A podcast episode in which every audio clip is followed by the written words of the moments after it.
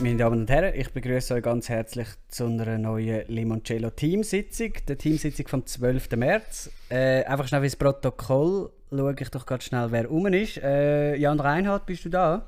Anwesend. Äh, Micha Hoff, auch rum? Ja. Ähm, kann ich jetzt die Statuten schon anfangen zu schreiben? Äh, ja, da wäre ich sehr froh. Apropos Statuten, äh, heute haben wir einiges auf dem Plan. Wir müssen, wir müssen über, äh, über unsere Solo-Folge noch reden. Wir müssen über die Markus-Folge noch reden. Dann habe ich noch ein paar Fragen an euch. Ähm, Ich habe auch noch äh, ein schönes Thema mitgebracht. ja, ist natürlich super. Am Schluss sollten wir sowieso noch ein bisschen Zeit haben für eigene Geschichten auch, finde ich. Wie hast du die Solo-Folge gefunden, Jan? Findest du, äh, ist gut geworden? Ich habe es als Erlebnis cool gefunden, mal nicht zu wissen, was auf einem zukommt bei unserem Podcast. Ja, voll. Und so ein bisschen auf den, auf den Release an zu fiebern und zu schauen, was die anderen gemacht haben. Ja, sonst haben wir ja die Folge immer im Voraus schon zum Gegenlos und zum sagen, nimm das noch raus und das wieder rein und dort noch ein bisschen. Und jetzt haben wir wirklich nicht gewusst, was die anderen gemacht haben. Und jetzt hast du eigentlich zweimal eine Viertelstunde Überraschung parat am Donnerstagmorgen. voll. Ich War habe ehrlich super. gesagt ein bisschen Schiss gehabt, dass... Ich wollte Äh, jetzt gerade fragen, ob ihr Angst gehabt habt. Ja, so ein bisschen, dass ihr nachher etwas richtig Geiles habt und ich, äh, und ich einfach irgendwie so ein bisschen am Erzählen bin und so.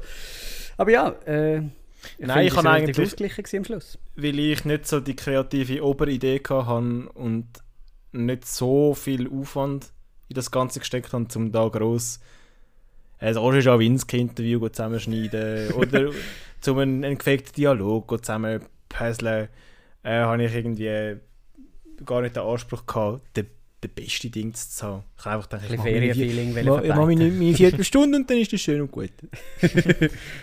Ich denke, du geniessest den Leupen und äh, alles, wo, alles andere ist Zugabe. Loipe ist das Wort für die Loipe. Das ist nicht irgendwie ein Dialektwort oder so im Nein, das Fall. sagen wir ja gar nicht. Das ist äh, Ja, ja. ein typisches Jan-Wort einfach. Nein, es ist ein typisches allgemeines Wort. Alle sagen Loipe. Und Micha? Du hast ein bisschen monoton geredet. hm? Ja, mir ist, äh, mir Was, ist, was mit, war da denn los? mir ist mitgeteilt worden, dass ich sehr monoton geredet habe. Ähm, ich habe ich hab darauf geachtet, dass ich nicht so viel «äs» sage und nicht so viel mache, wenn ich einen Satz anfange, weil das habe ich mega oft gemacht. Ähm, weil, also wenn ich, wenn ich einen Monolog mache, dann mache ich das noch häufiger, als wenn ich mit euch rede. Und dann habe ich einfach geschaut, dass ich diese Sachen beherzige und habe dann selber auch gemerkt, dass natürlich alles monoton ist. Aber ich habe mir gedacht, es hat wenig «äs» drin, darum lade ich es zu.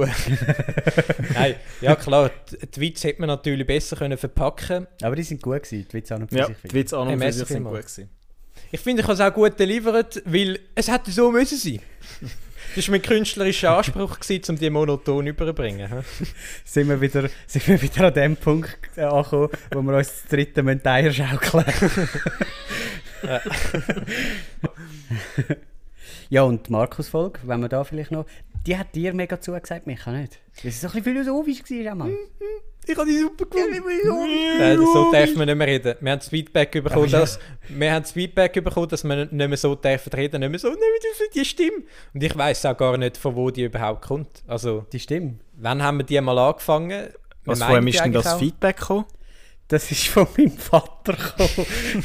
er hat sich äh, mal so eine Folge von uns äh, zu Gemüte geführt und hat dann gesagt, ist wirklich lustig, äh, gefällt mir sehr, aber... Äh, Aha, dein Vater redet so, darum sind wir auf die Stimme gekommen. Überhaupt nicht. Jetzt, jetzt, was du nachgemacht hast, hast du genau die Stimme gebraucht. Ah, stimmt, hä? die Stimme, die ich habe gebraucht, um meinem Vater nachzumachen.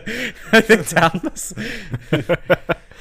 Nein, aber ich finde das noch spannend, so Feedback, weil mir ist es gar nie bewusst gewesen, dass wir so oft in die Stimme hineinfallen. Voll. Ja, Aber ich auch nicht. Und lustig. Dann habe ich mal darauf geachtet. So ab und zu Ja, ist schon lustig. Aber Ja. Also ich finde jetzt, wir müssen uns wegen dem auch nicht äh, in Knie äh, zwingen lassen. so, dein Vater ist einer unter vielen, der unseren Podcast hört, gell? Ja, genau. Eine Meinung macht der Braten noch nicht feiss.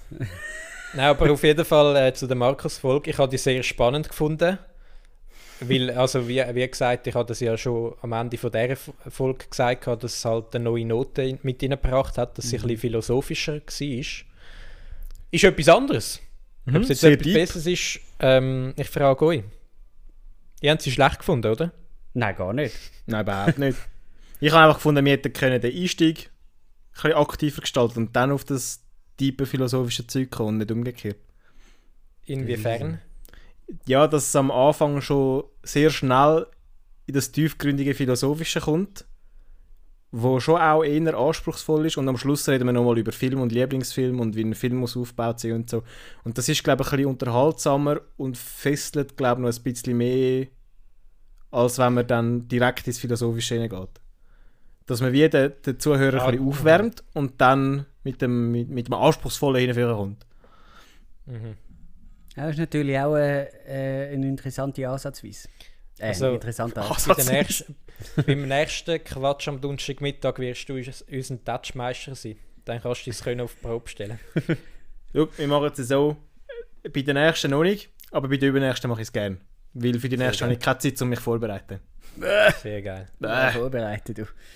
Ja gut, ähm, ich äh, gehe in den Statuten schon mal einen Schritt weiter. Du meinst, Traktanten, die Statuten sind etwas anderes. Äh, ich gehe mal in den Traktanten gehe ich mal einen Schritt weiter. Ja. Ähm, Du hast das im Protokoll notieren, Michael. für, für was mache ich dann den Statuten?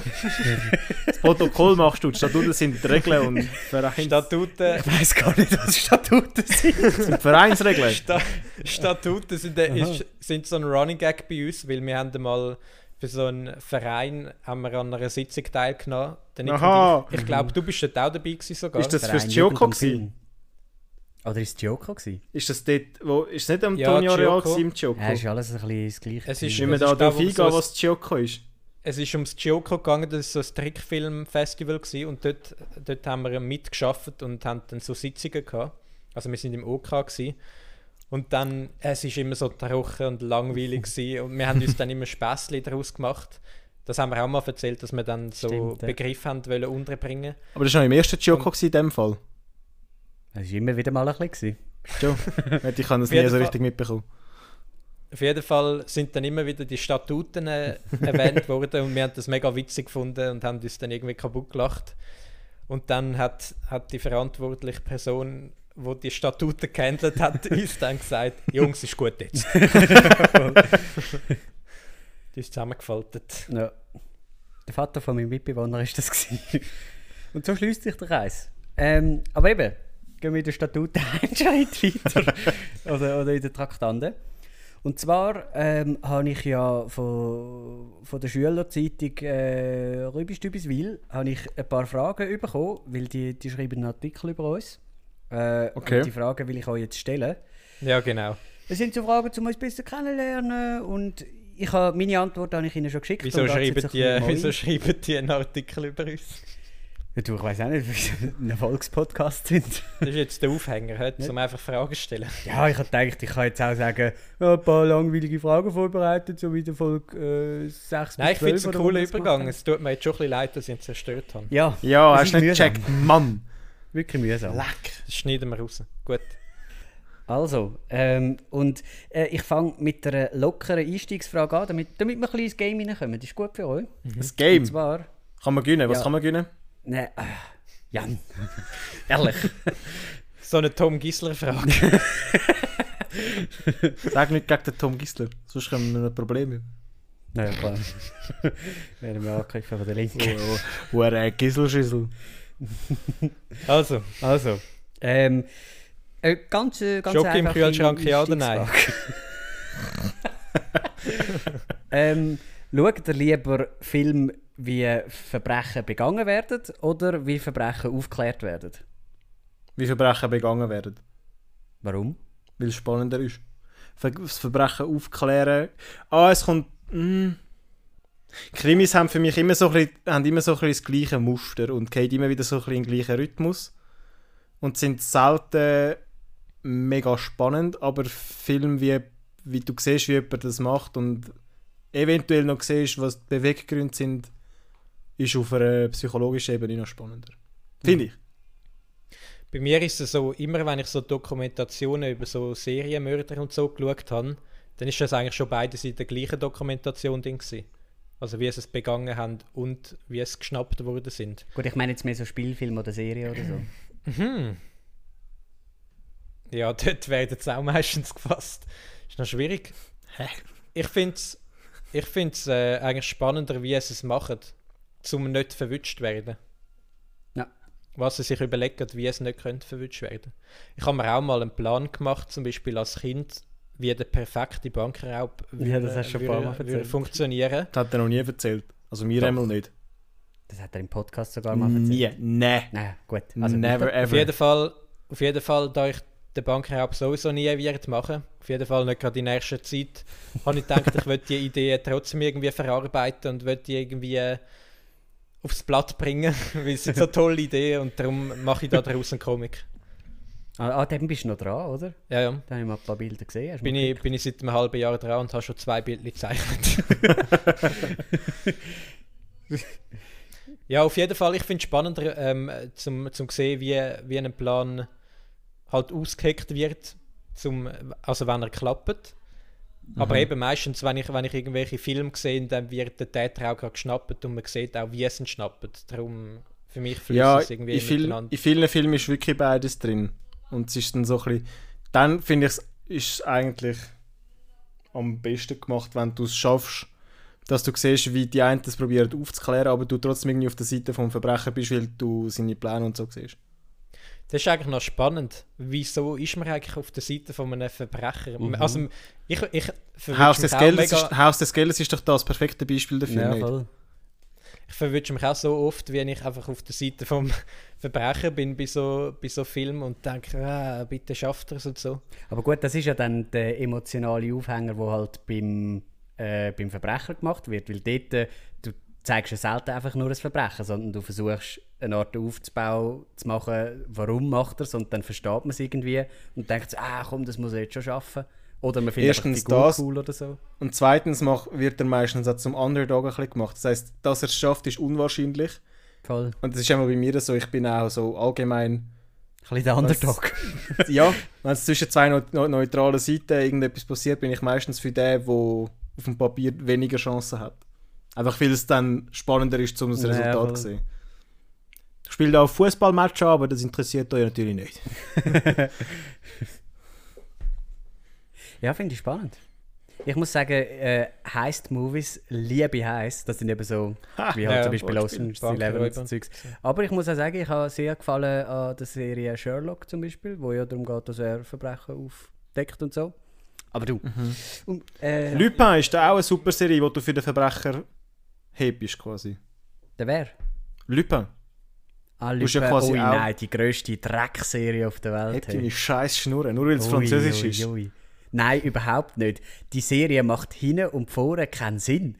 Es geht immer nur darum, er versucht irgendetwas zu machen, egal wie willkürlich das es ist. Und es klappt einfach, weil er hat ja so einen super Plan gehabt, der voller Löcher ist. Wow, die Serie geht mir so auf den Kack. Äh, Sack. Hure. Hure. Ja. Ja, ziemlich. Hast du mir nicht mal geschrieben, dass du sie super findest? Nein, ich habe mal gesagt, ich will unbedingt mit dir einen Podcast darüber machen, weil ich weiß, dass du sie super findest und ich sie grauenhaft finde. Und dann haben wir es aber nicht gemacht. Aha. Ja. Ja, Wer es nicht weiss, der Jan und ich haben ja einen zweiten Erfolgspodcast, wo darum geht, dass wir über Filme und Serien reden. Haben wir jetzt schon seit etwa einem halben Jahr nicht mehr. Fast so regelmäßig wie uns da. Ja, nein, Lupin, mit dem muss man gar nicht kommen. Dich ducke mal richtig ab, dich ginke mal so richtig Haben wir, haben wir in dem Fall auch noch die spannende Meinung von Nick und von Jan zu einem Film, den niemand kennt. Lupin ist äh, eine Lupin der ist die, zweit, ist die zweitmeist geschaute Netflix-Serie. Serie auf Netflix, aber ist gleich. Ja. Hm. Aber der Micha kann da ja nicht mitreden. Hat ja kein Nein, ich halt ja kein. Also bei mir, ist, bei mir ist es ja so, ich habe kein Netflix mehr. Ich habe dafür äh, ein Bibliotheksabo gelöst. Und ich finde das, Bei den irgendwie, 70er. nein, ich find das irgendwie noch, noch romantisch. ich finde es irgendwie noch cool, so mit die Bibliothek reinlaufen und dann schau, äh, wühlst du durch die DVD-Regal und überlegst dir, was willst du schauen und dann hast du halt die nur zwei Filme zur Auswahl, die du kannst schauen und dann, dann zappst du auch nicht tausendmal im Programm von, von Netflix um und findest dann im Endeffekt doch nichts. Irgendwie, ich, ich finde, das hat noch, also Bibliothek, Bibliotheken, die sind unterschätzt. Ich fände es mühsam, zum selber machen. Aber, das habe ich dir auch schon ein paar Mal gesagt, ich finde es irgendwie hure sympathisch. Also jemand, wo, wo so seine DVDs noch im Regal hat und so. Das liebe ich heiß. Aber ich wäre jetzt gar nicht der Typ dafür. Ich laufe auch gerne aus der Bibliothek mit ganz vielen Büchern raus und lese dann nur die Hälfte. Ja gut, und das bringt mich schon zu der nächsten Frage. Ähm, mal angenommen, äh, man hat ja das Handy immer so ein bisschen bei sich.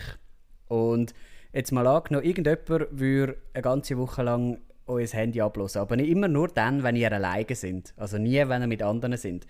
Was würde die Person über euch denken? Äh, die Person würde denken, der Micha ist podcast-süchtig. Ähm, bei mir wäre es mehr, was schaut der Jan für dumme Videos? Sind ihr nicht so. Äh, manchmal, ich weiss doch nicht, in der Wohnung noch ein bisschen rumtänzeln oder, oder mal. Äh, den- Ja gut, aber das mit euch hörst du ja nicht. Das so. hörst du ja nicht. Ah ja, stimmt. Ich muss sagen, ich rede eigentlich nicht, nicht mit mir selber. Ich singe höchstens mit. Denkst du auch nicht im Kopf mit dir selber? Doch. Aber ich, also ich denke mit mir im Kopf selber, aber ich rede nicht mit mir selber. Das habe ich früher einmal gemacht. Aber das mache ich jetzt nicht mehr so. Ich mache das noch ab und zu. So ein bisschen zum, wenn gerade irgendwie zum Gedanken verarbeiten oder so. Und Ab dann und zu redest du. im Du oder im Mir? Also weißt du so, äh, oh, das ist jetzt aber nicht gut, was mir passiert ist, oder oh, das ist jetzt aber nicht gut, was uns passiert ist. So eine Art, weil du mit dir selber redest. Äh, es kommt mega darauf an, wenn es darum geht, sich irgendetwas zu strukturieren oder zum Sortieren oder zum Orten, dann rede ich von ich und dann mache ich das und wenn ich das gemacht habe, kann ich ja nachher so. Aber wenn es darum geht, etwas auf emotionaler Ebene zu verarbeiten, dann rede ich meistens im Du. Das ist doch noch interessant. Ja, Dann wenn du Art wärst, könntest du jetzt. Ja, voll. Weil es ja sonst niemand macht. Also, ist, also wenn ich zum Beispiel im Stress bin, dann rede ich mir auch innerlich zu. Aber dann steige ich wie, es klingt jetzt ein bisschen sehr yoga-mäßig, aber dann steige ich wie aus mir raus und äh, stehe neben mich und sage mir, also komm Mach- ganz ruhig. Machst, machst Steuern auf und steigst aus. Ja, und Und wie tust du dich dann beruhigen? Zähl deinen Körper.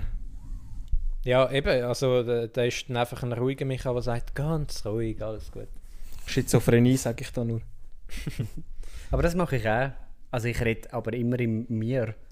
Und ich, hey, ich singe ständig. Wenn ich alleine daheim bin, dann tue ich eigentlich so ein bisschen wie, wie der Marshall bei How I Met Your Mother. Ich tue alles singen, was ich mache, die ganze Zeit. So, jetzt gehe ich Küche und so. Joe! Die ganze Zeit. Die Also ganze laut, Zeit. oder? Ja, ja, laut. Und auch wenn ich zum Beispiel jetzt im Moment, wo ich für die Schule viele Sachen muss machen muss, tue ich das alles kommentieren. Immer so beim, beim Arbeiten irgendwie so und 7 mal x, das gibt dann 20 und so. Das irgendwie hilft das noch, zum konzentriert bleiben. Ich merke gerade, ich tue immer am ausführlichsten antworten auf die Fragen, die ich stelle. Ja, du hast dir eben schon Gedanken gemacht dazu. Dann, ich finde es noch schwierig, irgendwie auf diese Frage zu antworten. Also jetzt, während du erzählst, kommen mir auch wieder Sachen in den Sinn. Ich habe zum Beispiel teilweise so Sätze, wo ich, wo ich einfach immer wieder sage, aber mir, also mir fällt jetzt gerade kein von diesen Se- Sätzen ein, aber irgendwie so, so richtig dämliche Sätze. Aber also jetzt nicht zur Motivation, sondern einfach so, Aus Jux Wo ich- und Tollerei. wo ich mir einfach innerlich sage. Aus Laune und Spaß. Nein, eben, also es fällt mir kein Satz ein. Na gut, dann komme ich schon zu meiner Du bist nächsten. Frage. Nur ein Fragenkatalog. Zu was habt ihr eine Hassliebe? Wie verstehst du Hassliebe? Ja, irgendwie, du findest etwas, irgendwie findest du etwas noch cool, aber irgendwie nervt es dich eben auch. Oder vielleicht nervt es dich, dass du es cool findest oder so. Aha. Du und der Merlin zum Beispiel haben Hassliebe. Ja, aber nicht so schlimm wie früher. Ja, klar. Ja, ich würde sagen Podcast. Weil, wenn du immer, also wenn du Podcast hörst, dann, dann hast du ja immer Unterhaltung und denkst ja nicht mehr selber sozusagen. Und lässt dich sozusagen zu wenig auf deine Gedanken ein. Ähm, nein, bei Podcast auf jeden Fall, wenn du Podcast hörst, dann, dann bist du ja auf das, was die sagen, fokussiert. Und zum Beispiel zum Einschlafen, ich kann nicht mehr einschlafen ohne Podcast, weil, weil dann denke ich nach und dann, dann schweife ich die ganze Zeit den Gedanken an und dann kann ich irgendwie nicht mehr einschlafen. Wenn ich irgendeinen richtig langweiligen Podcast einstelle, ich stelle immer langweilige Podcasts ein, wo egal ist, wenn ich etwas verpasse, dann, dann kann ich am besten einschlafen. Wenn ich irgendeinen spannenden einstelle, dann kann ich zum Beispiel auch nicht einschlafen. Aber jetzt so Hassliebe würde ich Podcast sagen, weil es ist halt mega spannend und unterhaltsam und du lernst auch viel, aber ich glaube, du gehst auch oft deine eigenen Gedanken aus dem Weg. Ja. Eigene Gedanken aus dem Weg gehen, das sehe ich auch so. Du häufig Podcast hören, damit ich nicht selber muss denken. Ja. Aber gerade zum Einschlafen, also dann, dann denkt dein Hirn einfach die ganze Zeit und hast irgendwelche Gedanken und darum... Wenn ich nichts los, dann denke ich, mein Hirn ist ständig. Also ja, ich, ich es bin- kommt doch nicht darauf an, ob du dir selber zuhörst, eine Art, oder ob du jemand anderem zuhörst. Also es gibt irgendwie, also bei so richtig langweiligen Podcast, da schaltest du irgendwie aus, aber d- da immer noch Leute im Hintergrund irgendetwas am Schwafeln sind, hast du wie so ein, so ein Grundrauschen und also du denkst schon noch irgendwie, aber irgendwie nicht mehr so stark. Also irgendwie, also doch, du denkst schon noch, aber irgendwie, du konzentrierst dich nicht mehr so, so fest darauf, dass du denkst und kannst dann besser einschlafen. Das mache ich aber manchmal auch, wenn ich merke, ich kann jetzt gerade nicht einschlafen. Also ich probiere immer, und meistens schlafe ich ohne irgendetwas zu hören oder zu schauen ein. Und wenn ich merke, ah, jetzt bin ich, aber ich merke, dass ich müde bin, aber ich schaffe es nicht zum Einschlafen über längere Zeit, dann stelle ich entweder einen Podcast an. Es gibt ja der Einschlafen-Podcast zum Beispiel, Mhm. wo extra für das konzipiert ist eigentlich. Es gibt Oder sogar ich- noch einen Lehrreich. Es gibt so, habe ich letztens gesehen, eine liest einfach Wikipedia-Artikel vor. Und dann habe ich gedacht, ja gut, dann lerne ich immerhin noch etwas, aber es ist irgendwie so schlecht gemacht, dass ich es nicht weiterempfehlen Ja, oder, ja, oder sonst tue ich einfach irgendein Video oder eine Netflix-Serie, die mich null juckt, einstellen. Und Also du so, schlafst dann ein beim Schauen. Ja, du kannst ja bei Netflix auch einen Timer stellen, 20 Minuten. Und das langt meistens. Das ist ja mega krass, hey. Also ich habe ich ha gar nicht gewusst, dass man kann einen Sleep-Timer stellen bei Netflix. Also das finde ich nicht Wie- krass. Aber. bei, bei Spotify stellen wir... Das war bahnbrechend für den Nick. Also, also du findest es mega krass, dass wir nicht ohne, ohne so Gedudel können einschlafen können. Also, was so vor fünf Jahren noch das Regengeräusch war, ist, ist jetzt Podcast und Serie. Ist also Regengeräusch mache ich auch auch noch. Das mache ich ja das immer mache noch. ich, das mache ich auch. Aber das muss ich wieder mal machen. Das mache ich viel Aber eben, das mache, ich, das mache ich einmal pro Monat oder so. Das ist jetzt nicht so, dass ich jeden Tag merke, oh shit, ich kann nicht einschlafen, ich muss jetzt Regen hören. Also bei mir ist es so, es kommt jetzt vielleicht so ein bisschen, ein bisschen über, als hätte ich irgendwie ein Schlafproblem oder so. Nein, das höre ich von anderen auch häufig, dass sie Podcasts hören zum Einschlafen. Ich finde irgendwie, wenn ich, wenn ich am Wochenende, dann habe ich irgendwie, dann weiß ich, am nächsten Tag kann ich ausschlafen und dann habe ich keinen Druck sozusagen. Das heißt, ich könnte auch ohne Podcast einschlafen. Und dann, Schockeleben. aber, aber es, so denke ich mir immer, ich muss... Akku ist bald leer. Ja. Haben wir noch ein bisschen Zeit? Erzähl du nur ein bisschen weiter. Gut, äh, Jan, hörst du uns überhaupt noch? Ja, ja. Hä? Ja, nein, sicher. Gut, also soll ich weiter erzählen? ja, ja. ja, klar. Eben, also wenn unter der Arbeitswoche, da denke ich mir immer, wie, viel- wie viel Schlaf habe ich noch? Also wenn ich zum Beispiel am 7. Uhr aufstehen muss und ich gehe am 11. Uhr einschlafen, dann denke ich mir immer, gut, ich habe eine Stunde zum Einschlafen und dann habe ich noch meine 7 Stunden Schlaf, weil ich brauche etwa 7 Stunden, damit ich fit bin. Wir langen dann- teilweise auch 5 oder so im Fall. Also, Ja, ja, mir auch, aber irgendwie, ich will nicht, dass es zu der Regel wird, dass ich ja, irgendwie zu mir ist schon gespart. Ich würde auch probieren, früher ins Bett zu gehen, aber momentan das ist schwierig. Ja, genau. Aber auf jeden Fall, wenn, wenn ich dann zum Beispiel merke, oh, wenn ich, wenn ich jetzt genau würde einschlafen dann habe ich nur noch sechs Stunden Schlaf, dann, dann, dann kommt langsam der Druck auf und ich denke mir, ah, ich habe nicht mehr genug geschlafen und so. Dann schlafst du noch weniger gut ein, ne? Ja, das habe ich, das habe ich eben auch gemerkt. Darum, der Nick hat gerade ein Glas Wasser umgeschmissen. Ist mein Glas Wasser gewesen. Wahrscheinlich gerade überall Kabel. Nein, zum Glück nicht. Aber äh, ich erzähle weiter. hä? also eben, den, den Druck habe ich mir langsam rausgenommen. Mittlerweile finde ich es auch nicht mehr schlimm, wenn ich, wenn ich merke, ähm, ja, jetzt habe ich nur noch fünf Stunden Schlaf, bis ich wieder mal aufstehe. Langsam nehme ich es auch entspannter. Und, und es gibt bei mir den Punkt, wo ich kann mich so schlecht konzentrieren. Es, Nick? ich kann mich richtig schlecht konzentrieren. Ich tue schnell das Setting erklären. ähm, wir, wir haben den Jan über das Handy, über Skype und ich sitze mit dem Nick da in der Wohnung. Und das Handy hat nur noch wenig Akku, darum müssen wir es aufladen. Und es muss irgendwie trotzdem stehen, dass wir den Jan sehen. Und der Nick hat da ein Glas Wasser umgerührt. So kleine Pflänzchen, die in Bl Blumenvasen drin stehen. Und ich muss da versuchen, weiter meine Geschichte zu erzählen. Dass es möglichst nicht so aussieht, als ob man irgendwelche technische Probleme hätte. Und etwa Genau. zwei Minuten an dem Zeug rumgewurstelt.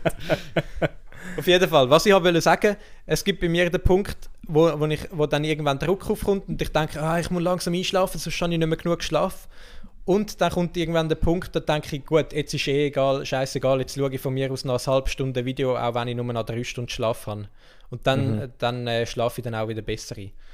Aber eben, Ja. also das ist alles Übungssache. Ich kann habe dann alles, alles Mögliche schon versucht, Schlaftabletten und alles, aber bringt alles nichts, ist alles Placebo. Ich habe nämlich viel mehr Mühe, um am Morgen beim ersten Mal Weckerleuten aus dem Bett zu kommen. Mein Wecker, der, der Radiowecker läutet am 7. und äh, der Pfeife-Wecker läutet 5 Minuten später. Und der stelle ich dann meistens auf eine halbe Stunde später ein, weil es gleich langt. Um am Viertel ab vor dem PC zu sitzen. Ja, gut, das ist natürlich Schocki. Ja, stimmt mit dem. Homeoffice. Ja, da morgen ist schon Schocki-Leben, aber da könnt ihr da meine Aufträge zeigen, die ich alles muss machen muss. Und dann äh, musst du auch nicht mehr duschen. Das ist kein Schocki-Leben, nein. Nein. Aber ich ich kann der nichts zu haben, ist. Schocki-Leben. Er stehen dir einmal, stehen dir einmal Licht auf. Weil ich, ich stelle mir immer zwei Wecker und ich laufe immer, also ich stelle die immer ans Ende vom Zimmer und stelle stell die immer so ein, dass die alle fünf Minuten klingeln und ich laufe immer im Schlaf hin, stelle es ab, liege wieder ins Bett, schlafe wieder ein, dann schaltet er wieder, schalt, also das mache ich eine halbe Stunde einmal so, bis ich dann wirklich das Licht anmache. Ich habe da schon jenste Sachen ausprobiert. Ähm, also eben die eine Strategie ist, dass man sich halt 100 verschiedene Wecker stellt. Das habe ich häufig gemacht. Aber dann gehe ich ja immer davon aus, es kommt ja nochmal ein Wecker und es kommt Ja, ja, nochmal einer. Und plötzlich ist irgendwie halb zehn und du hast schon die ersten zwei Stunden äh, bist spät. Und die andere Strategie, die ist halt High Risk, aber man stellt sich halt genau einen Wecker. Und nachher weiß man ja, wenn der kommt, dann musst du jetzt einfach aufstehen, weil sonst hast du verloren. Und Da brauchst du aber auch eine Eingewöhnungsphase, nicht? ja, ich, ich habe es mal ausprobiert und dort, äh, die zwei, drei Mal, wo ich es gemacht habe, hat es geklappt. Ähm, und dann habe ich irgendwann angefangen, wo ich ihn abgestellt habe, einen neuen zu stellen und wieder geschaffen.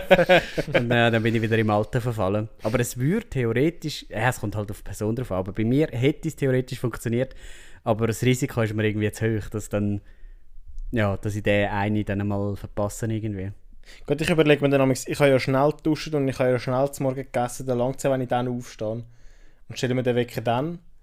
Und dann, gerade wenn du so wieder dran bist, am Einschlafen, dann läutet er wieder und denkst, ah Mann, nur noch 5 Minuten und am Schluss ähm, säckelst du da durch, durchs Bad und durch die Küche und gibst Bei dir äh, wahrscheinlich auch noch mal ein bisschen schwieriger, weil du nicht irgendwie auf dem Bus noch irgendwie musst, wo du dann weiterkommst und so, sondern du kannst ja eine Art direkt über stolpern. Dann hast du wahrscheinlich noch viel länger, nicht?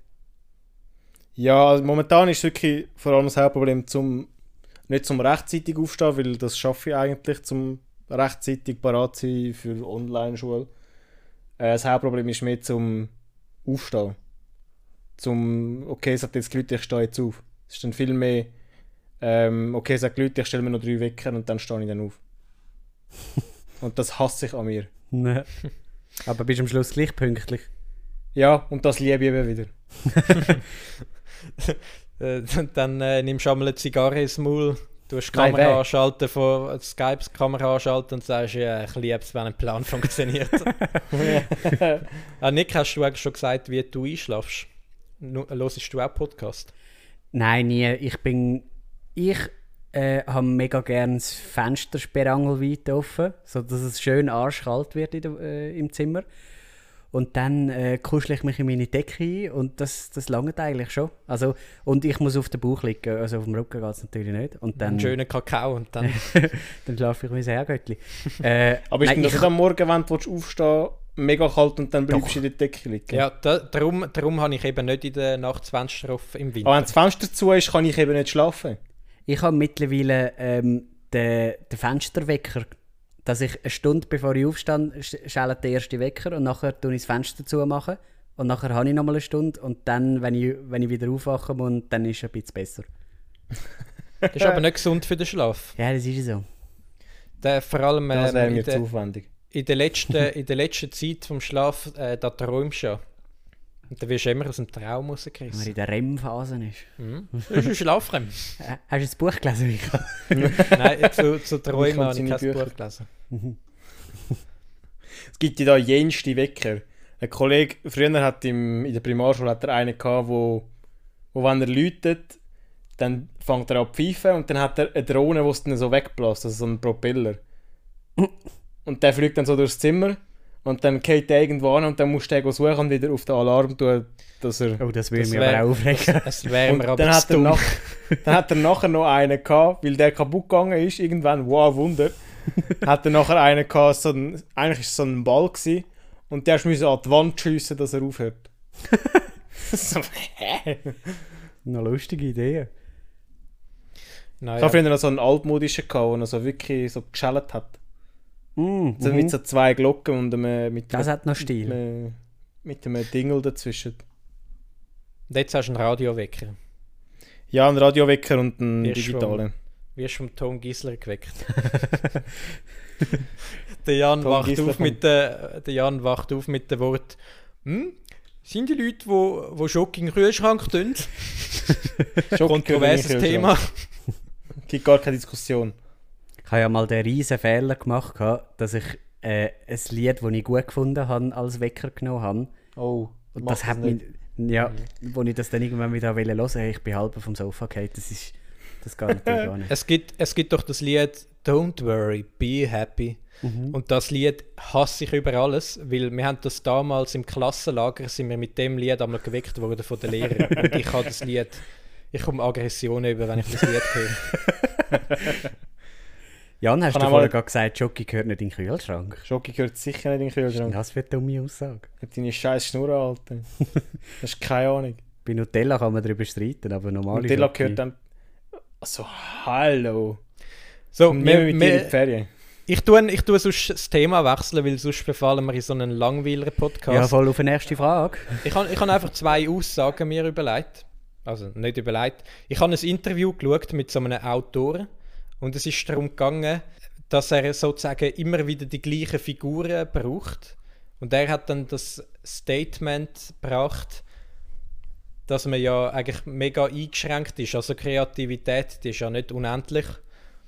Und man kann eigentlich nur die Figuren aus sich selber rausnehmen. Und darum ha- hat er nicht unendlich Figuren. Also nicht so viele Figuren, sondern nur irgendwie 10 Figuren Also in seinen weil, Büchern. weil seine Figuren immer ein Abbild von ihm sind, oder was?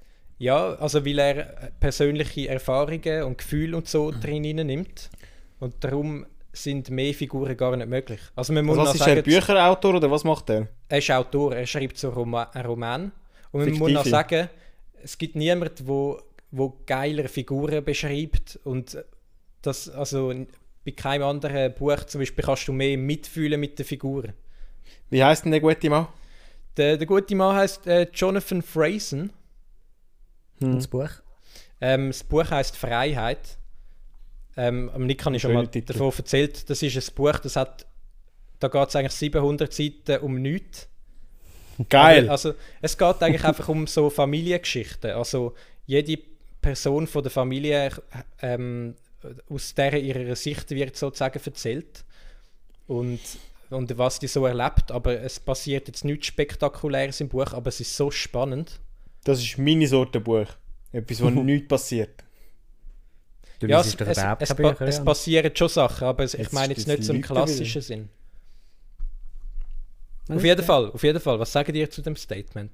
Ich finde, es hat äh, schon etwas. Es hat schon etwas, weil du hast ja, wenn du eine Figur schöpfst, in dem Sinn musst du die ja in- und auswendig kennen, damit du richtig kannst mit ihr, äh, dass du sie richtig kannst handeln und agieren lassen. Wenn du Und- sie tief willst machen. Mhm. Genau. Und das ist der einzige Weg, um eine Figur richtig zu machen. Finde ich. Mhm. Wenn du eine Figur nicht kannst tief machen dann mach sie nicht. Und insofern hast du ja schon deinen Bereich, wo du dich auskennst und kannst nur dort in die Tiefe gehen, wo du Experte bist, in Anführungs- und Schlusszeichen. Und nicht noch jemand, wo du überhaupt keine Ahnung hast. Dann kannst du dich informieren und so und kannst dann schon probieren, eine tiefe Figur zu entwickeln. Aber es fällt dir einfacher dort, wo du dich auskennst. Und dort bist du natürlich irgendwann beschränkt. Du kannst Mhm. ich glaube, nach 10 Figuren hast du wirklich probiert, etwa deine Sachen ausgereizt. Das Es zeigt gibt schon- sich ja. Es gibt schon Leute, die das können. Wie heißt er? Ah.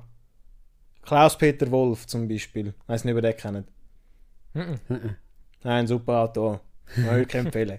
Der hat zum Beispiel äh, was hat er, hat sich ein, ein Jahr lang irgendwo in einer Mafia eingeschleust, ein Jahr irgendwo in Also in einer Nazi-Organisation. Ja. ja. Wenn ich es richtig im Kopf habe. Oder vielleicht ist es der Wolfgang Holbein, ich bin mir nicht mehr sicher, welcher von beiden. Einer von beiden. Aber der hat sich so, der hat sich so durch die Art informiert und probiert, so ein bisschen daran anzunähern und dann anhand von dem eine Geschichte zu schreiben. Und das finde ich mega eindrücklich. Aber dann, dann hat er ja am Schluss auch sozusagen seine Gefühle wieder reingepackt. Oder? Ja, aber die Figur ist ja dann grundlegend eine andere. Es ist ja dann ein, ein Mafia-Boss zum Beispiel. Oder es ist dann nicht. Keine Ahnung. Es ist also ja er, dann hat, grundlegend. er hat ja dann trotzdem wieder über die anderen geschrieben, oder nicht? Weil er ist ja dann nicht selber der Mafia-Boss gewesen. Nimm ich an. Also ich Äh. glaube, so über andere Figuren schreiben oder, oder erfinden, die kannst du ja zu einem gewissen Grad immer, das zeigt sich ja mega in diesen Filmkursen, die wir äh, also Kinder und Jugendliche jetzt auch mitgegeben haben. Das sind immer ein bisschen die gleichen Figuren. Da gibt es irgendein Tussi, da gibt es den Streber und so. Das sind so Figuren, die die Kinder immer wieder spielen oder, oder in ihren Film wollen, weil Weil halt so es halt im 0815 Alltag haben. ist. Genau, und im weil- weil Alltag man am das immer sieht und und am meisten wissen, wie die funktionieren. Und äh, du kannst ja eine Figur eigentlich nur wirklich, also so, dass, dass man am Schluss denkt, man kann die Figur nachvollziehen oder dass ihre Handlung in sich stimmig ist. Äh, für das musst du die Figur ja verstehen. Und die kannst du ja nur verstehen, eigentlich, wenn du dich so fest damit befasst hast. Also zu einem gewissen Grad eben ja, muss es ja ein Teil von dir selber sein, weil du dich selber ja nur kannst verstehen. Nein, warte, jetzt Mhm. habe ich da etwas völlig Falsches gesagt. Also du kannst, du kannst, würdest sagen, du kannst ähm, nur das verstehen, was du selber auch schon gefühlt hast.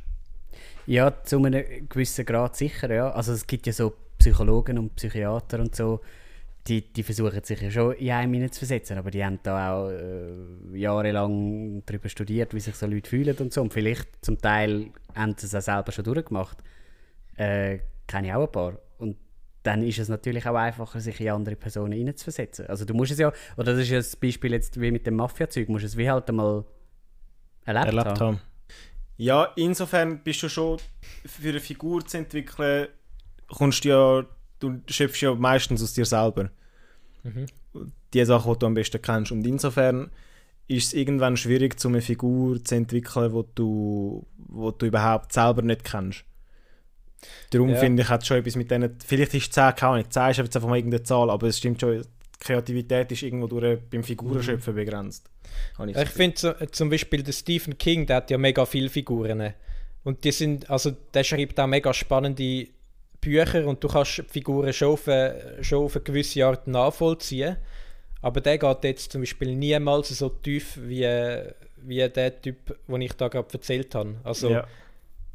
Ich glaube, es kommt auch ein bisschen darauf an, was du willst. Also wenn du wenn es dir mehr so um Geschichte geht, irgendwie äh, zum Beispiel jetzt um einen Bankenraub, dann willst du vielleicht auch gar nicht so tief gehen mit den Figuren, wie wenn du so eine Familiengeschichte w- erzählst und du sozusagen alle Familienmitglieder willst können nachvollziehen.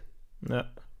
Ich glaube auch ein Film steht und fällt mit seinen Figuren. Also wenn seine Figuren entweder nicht nahbar sind für uns, weil man irgendwie denkt, also für uns als Zuschauer, weil man denkt, äh, so etwas gibt es ja gar nicht, dann ist es weniger spannend. Oder wenn ihre Handlung nicht nachvollziehbar sind. Man muss nicht können finden, ja, ich, ich hätte jetzt auch so gehandelt, sondern ich verstehe, oder es ist, es ist in sich stimmig, dass die Person so handelt, weil das die Person oder die Figur ist, weil das ihr Charakter ist.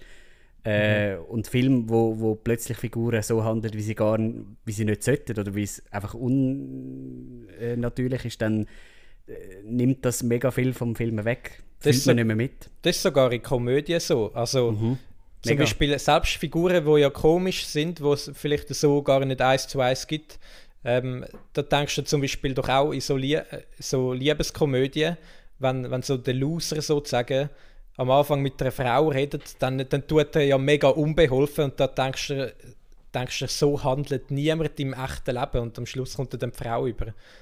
also in, in Komödien, es gibt ja so mega viele so Komödien, wo, wo du einfach die Figuren nicht kannst nachvollziehen am Anfang. Und Das sind dann einfach schlecht geschriebene Figuren. Ja, das ist bei Sitcoms auch mega schwierig, weil Sitcoms bestehen ja daraus, dass ein Witz nach dem anderen die ganze Zeit kommt. Und die Figuren müssen ja lustig sein. Aber gleich sollten sie in sich stimmig sein, sodass man so denkt, ja, aber so ein Witz oder so dumm würde jetzt die Person auch nicht handeln, obwohl es ein Sitcom ist, wo alle so ein bisschen lustig handeln. Wenn jetzt zum Beispiel bei Two and a Half Men wegen einem Gag der Charlie würde unsicher handeln und irgendwie äh, etwas aus Unsicherheit machen, das, das muss der Alan machen, weil er einfach die Figur ist und nicht der Charlie.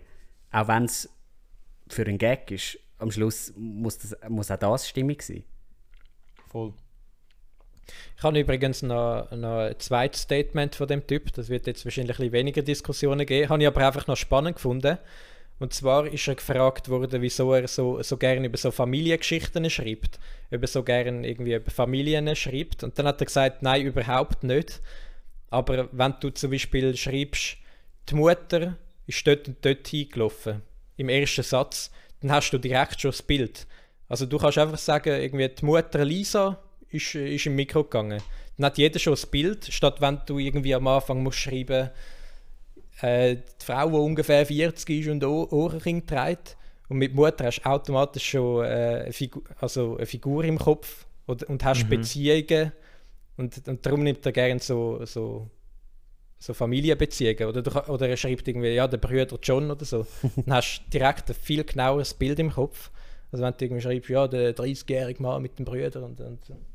Ja, noch spannend Ja, gefunden. du lässt halt, ja, stimmt, du lässt halt dem Leser viel mehr Freiheit und seine eigenen Charakter zu entwickeln und eine persönlichere Beziehung zu der Geschichte aufzubauen. Mhm. Das. Namen spielen da ja auch mit noch viel mit. Also viel von unseren Witzen bestehen ja daraus, wenn man irgendwie Leute beobachtet und dann sagen, oh, das ist ein René und so. Ja. Dass einfach der Name ist lustig. Also der Name passt zu der Person, die wir sehen und das ist dann schon lustig, weil es irgendwie automatisch hast du gerade das Bild. Mhm. Voll. Das ist doch noch interessant. Mhm. Du, ich habe mir da so viele Fragen aufgeschrieben und deine, deine die da schon schnell aus dem Ärmel geschüttelt Es sind nicht mal Fragen, es ist ein, äh, jetzt falle ich, verfalle ich wieder in die Stimme. Ich will das kontrollieren.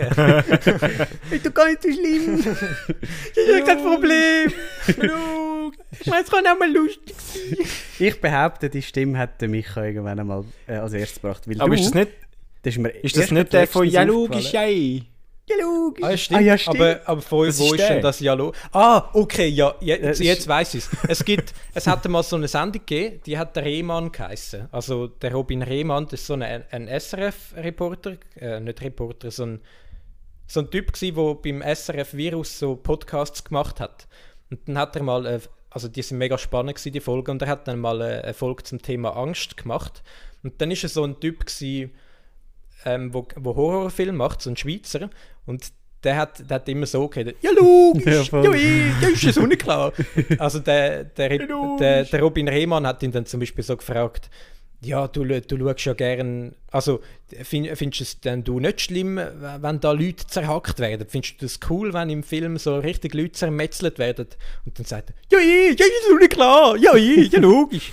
Ja, das, das kommt tatsächlich von dem. Ja. Und ich glaube, wir ja. machen das häufig zum Auflockern. Zum Beispiel, wenn Mhm. wir, wenn wir irgendwie ein ernstes Gespräch gehabt haben. Oder vielleicht auch, wenn wir gar nicht wissen, was reden, dann ist es so eine gute, gute Auflockerung, um so in die Stimme hinein verfallen. Aber es ist jetzt spannend, dass wir den Ur- Ursprung Ja. herausgefunden haben. Du bist ein grausamer Trendsetter, Micha, bei uns in der Gruppe. Du hast Stromberg bei uns in die Runde gebracht. Das sind auch immer wieder so unterschwellige Witze von Stromberg, die wir ab und zu äh, übernehmen. Äh, du hast äh. Roger gegen Markus hast du, hast du bei uns in die Gruppe gebracht. Du hast äh, Serdan so Mundschuh hast du bei uns in die Gruppe gebracht. Gut, bei mir auch noch nicht so. Und Nein, die bei mir noch nicht logisch. Ich sage auch immer, äh, wenn, ich, wenn ich jemandem Hallo sage, sage ich mega oft. "Ah." Ja, voll, genau. Das, ist, von glaub ich, von Stromberg. Stromberg ja. Ah, ja. Das sage ich die ganze Zeit. Oder was ihr gerne häufig gesagt habt, ja, im Filmpodcast ist Jut. Ja, Das ich sage sowieso ständig gut. Das ist, ist von. David Kebekus, oder? Äh, Ja. ja. Den hast auch du in die Ja. Runde gebracht. Ich schreibe immer «Nein, gut». Du- Sagt uns nicht so häufig, aber schreiben immer. Ich nehme mich gerne ein bisschen zurück. Nein, ist doch okay. Also, äh, dann, dann gebe ich gerne eine Buchempfehlung ab. Äh, das Buch Freiheit, wirklich spannend. Nein, äh, das ist sicherlich nicht jedermanns Sache. Sagt mal, Ähm, jetzt kommt wieder eine Schulfrage. Burger oder Pizza? Ähm, was für ein Charakterzug wäre bei euch stärker, wenn das Umfeld zulassen würde? Jetzt zum Beispiel, ich muss vielleicht schnell ein Beispiel voranbringen. Sehr gerne. Ähm, ich bin zum Beispiel in meiner Jugend sehr gern ständig so auf Baustellen gegangen, habe mega gern irgendwie einfach mal dort rein und da, obwohl man nicht dürfen hätte und so. So Zeug habe ich mega gern gemacht, auf, auf Kränen aufklettern und so. Und so Zeug würde ich heute noch machen, wenn es irgendjemand von meinen Kollegen mitmachen würde. Ich habe ähm, ich habe keinen Kollegen, der so etwas zulässt oder so etwas auch cool findet und darum mache ich es nicht. Aber ich glaube, würde jetzt so Micha mit mir an einer Baustelle vorbeilaufen und sagen, ja, gehen wir mal, dann wäre ich der Erste, der dort äh, auf dem Rahnen oben sitzt. Das wäre so, also ist jetzt nicht unbedingt ein Charakterzug, aber so ein bisschen, so ein bisschen das Wildömnig, gell? Ja. Äh, hast du einen, äh, hast einen, das finde ich einen tollen Charakter. Ein toller Charakterzug. ja, wisst ihr, was ich meine? Ja, ja, nein, das Beispiel ist, das Beispiel ist übergekommen. Das ist eine doofe Frage, oder was? Nein, ich finde es eine gute Frage, aber ich finde, es muss irgendwie... Jetzt muss ich sind- zuerst überlegen. Es sind teilweise so Fragen, wo ich mir mega viel Gedanken muss machen muss, wo ich die erste Viertelstunde darüber nachdenke. Mhm. Ja, natürlich doof, ja. Jetzt so generell ist mir einfach als erstes in den Kopf gekommen, dass äh, zum Beispiel, wenn ich irgendwie an einem Mittagtisch bin und dann habe ich keine Lust zum Reden und dann rede ich einfach trotzdem, zum irgendwie komisch überkommen oder so. Obwohl ich eigentlich einfach könnte sagen, äh, denken, ja, scheißegal, was die anderen denken. Das finde ich auch unsympathisch, wenn ein- einer einfach nicht redet. Ab, Mhm. Aber was wäre denn jetzt anders, wenn das Umfeld zulassen würde? Ja, wenn, Er würde nicht wenn- reden. Aha. Er würde sich in sich selber ah, du würdest einfach nicht reden, wenn, wenn andere auch nicht reden, oder was? Ja, Oder was, was müsste von außen her passieren, dass du dann... Ja, sagen wir mal, ähm, in einem alten Geschäft von mir, dort hat es immer so die Morgenpause gegeben. Und es ist immer äh, irgendwie mega lang gedauert, bis mal etwas geredet worden ist und dann auch nur über das Wetter und so. und ich habe dann teilweise, wenn, wenn, wenn nur jemand da drinnen war, dann finde ich es irgendwie komisch, wenn niemand redet. Und dann habe ich auch gesagt, und äh, irgendwie so eine Alibi-Frage gestellt. Es geht ein bisschen Smalltalk in eigentlich. Mhm. Und statt dann einfach gar nichts zu reden. Gar nichts sagen.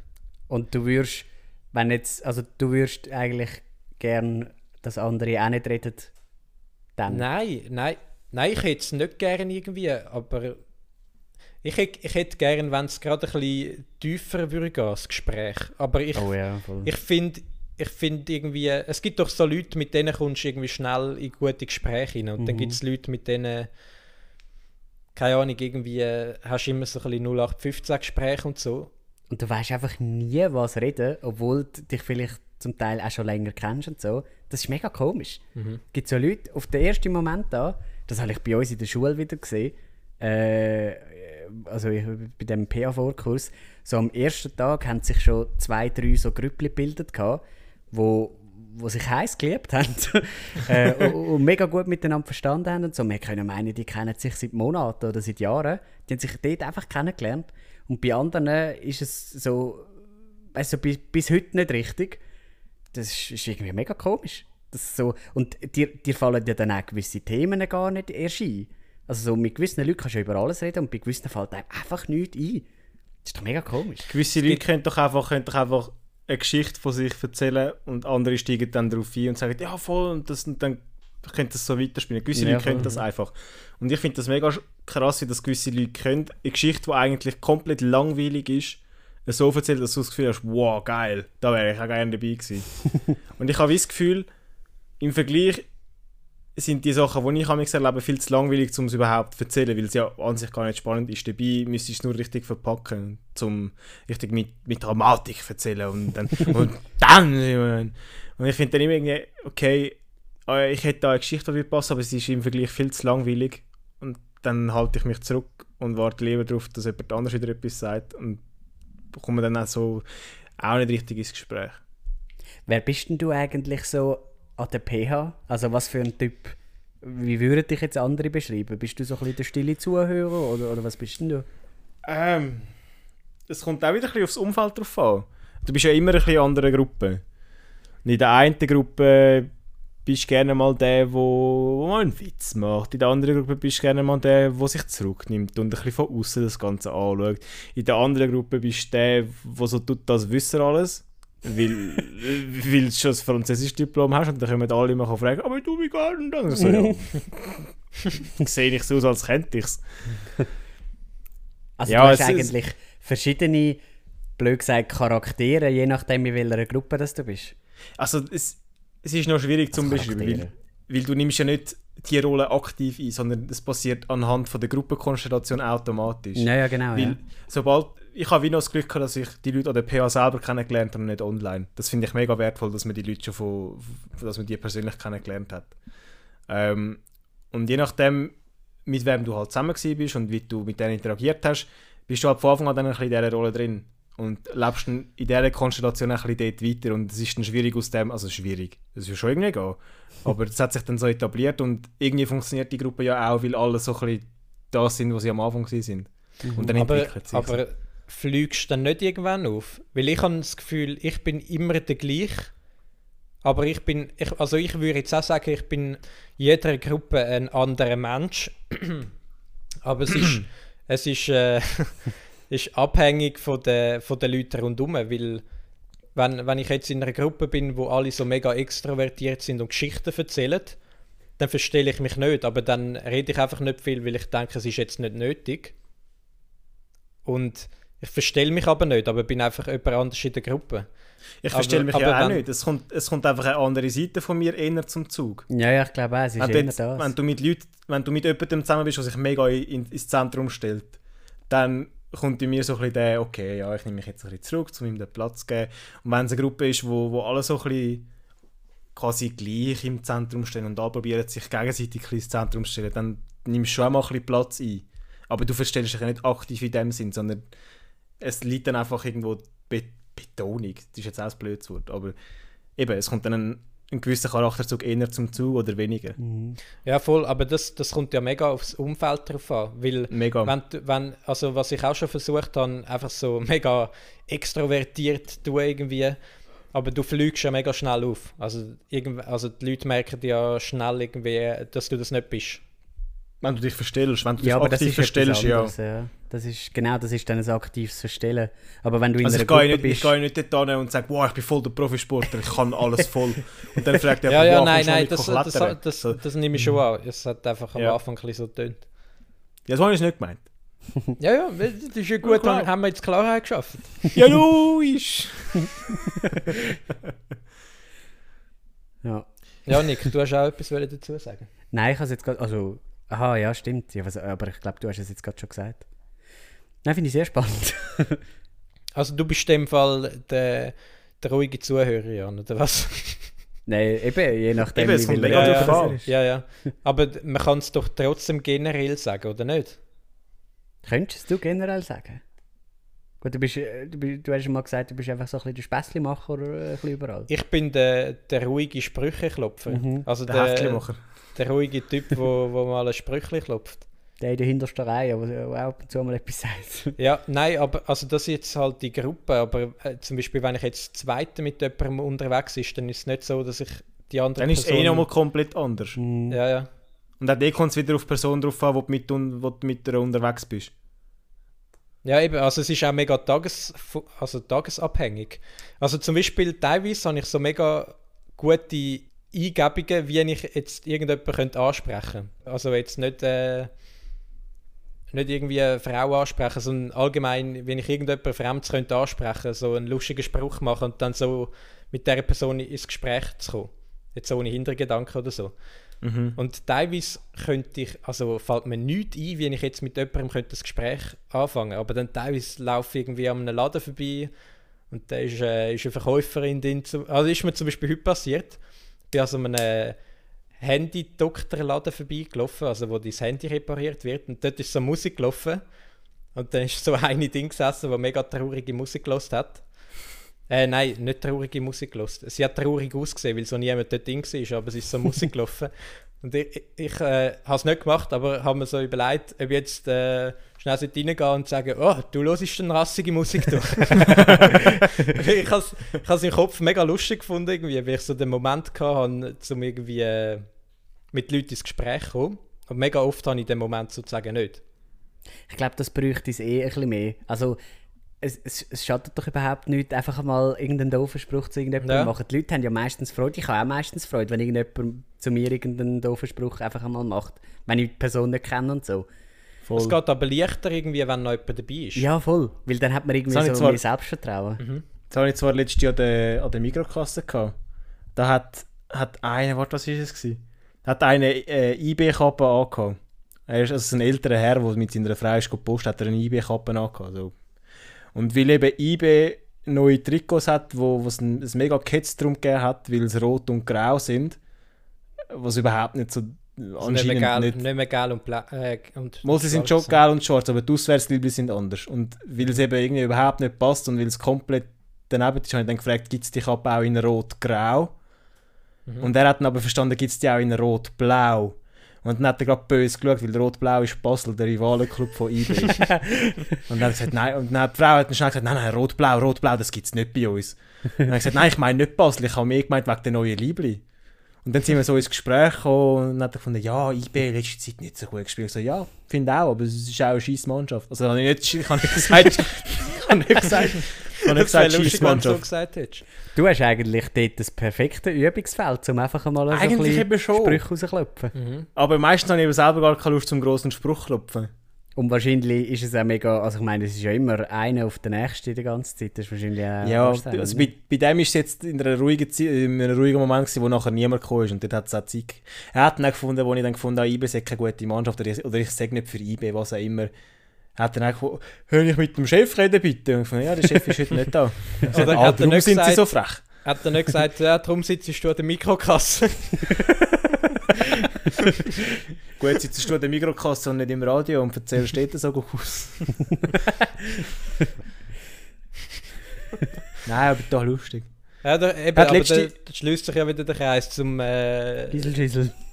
nein, zu, zu der, zu, zum Moment. Kommt auf den Moment an. Ja, aber das letzte, was hat letzte jemand gesagt? Weil vorher von Lune, von der Lune hängt es ja auch ab. Letzte hat irgendjemand gesagt, ich weiß nicht mehr wo und nicht mehr wer, hat gesagt, was ist der Wert, schlecht gelaunt zu sein, wenn es niemand mitbekommt? Was für einen Wert hat es, schlecht drauf zu sein, wenn es gar niemand mitbekommt? Ja gut, wa- was für einen Wert hat es, wenn es jemand mitbekommt? Ah nein, es macht eben schon nochmal etwas aus. Du kannst, also gewisse Leute brauchen das eben, um sich so ein bisschen inszenieren Und so ein bisschen irgendwie die Und Wut auch Aufmerksamkeit irgendwo bekommen. parkieren. Ja, aber wenn du also schlechte Laune hast und niemand merkt es oder niemand, niemand kommt es mit über, dann kannst du deine Wut oder die, dein was auch immer nicht, nicht rauslassen, weil es niemand juckt. Ja, würde ich so nicht sagen. Also man kann ja gut einfach auch für sich selber irgendwie auf den Tisch hauen und sagen, Gott verdammt. Bei mir ist es zum Beispiel so, wenn ich schlechte Laune habe und ich bin irgendwie äh, gerade die dann höre ich einfach so aggressiven Gangster-Rap und dann äh, finde ich es richtig geil und dann geht es mir nachher wieder besser. Und ich muss das nicht an anderen Leuten rauslassen, sozusagen. Wenn ich, ich zum Beispiel Ja, im Geschäft, nicht, aber wenn ich zum Beispiel im Geschäft merke, mir geht es schlecht, also mega, mega, ich habe schlechte Laune, dann rede ich extra so wenig wie möglich, dass ich auch so wenig wie möglich irgendwie schlechte Laune an anderen rauslasse. mhm. Oder, ich habe das schon, also brauchst ich du das? das, ich, ich habe das, glaube ich, habe das, wo das die Person gesagt hat, habe ich gemerkt, okay, das ist mir auch schon irgendwie aufgefallen. So dass wenn Leute rundherum sind, dass dann irgendwie extra fest irgendetwas auf den Tisch haust oder so, oder dass du irgendwie dich extra aggressiv irgendwo in den Stuhl fallen lässt oder so. Einfach, das, das gibt dann halt auch wieder ein Gespräch daraus, wenn jemand fragt, was ist los oder so. Voll. Aber es ist jetzt, das, das mache mach ich nicht aktiv, um zu sagen, okay, ich gehe in das Klassenzimmer rein und ich knall meinen Kaffee so richtig auf den Tisch oder ausleert und dass gerade alle müssen zu mir schauen. Sondern es passiert wie unbewusst, dass ich dann reinkomme und dann halt die Sachen ein bisschen, ein bisschen aggressiver mache. Also das heißt ja dann eigentlich, dass du über deine schlechte Laune willst reden, oder?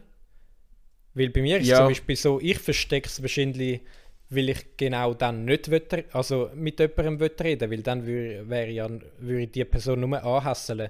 Weil wenn ich hässig bin, dann habe ich keine Lust zum erzählen, wieso ich hässig bin, weil es meistens nicht mal so einen Ist Grund halt, hat. ist halt ein bisschen Ja, eine. Typfrage. Ja, aber schlechte Laune heisst ja nicht unbedingt hässig. Das kommt dann auch noch dazu. Also Ja, du meinst kann- traurig. Zum Beispiel. Oder, ke- oder demotiviert. Oder was auch immer. Aber Ja, es, voll. es ist Also- ja dann wie...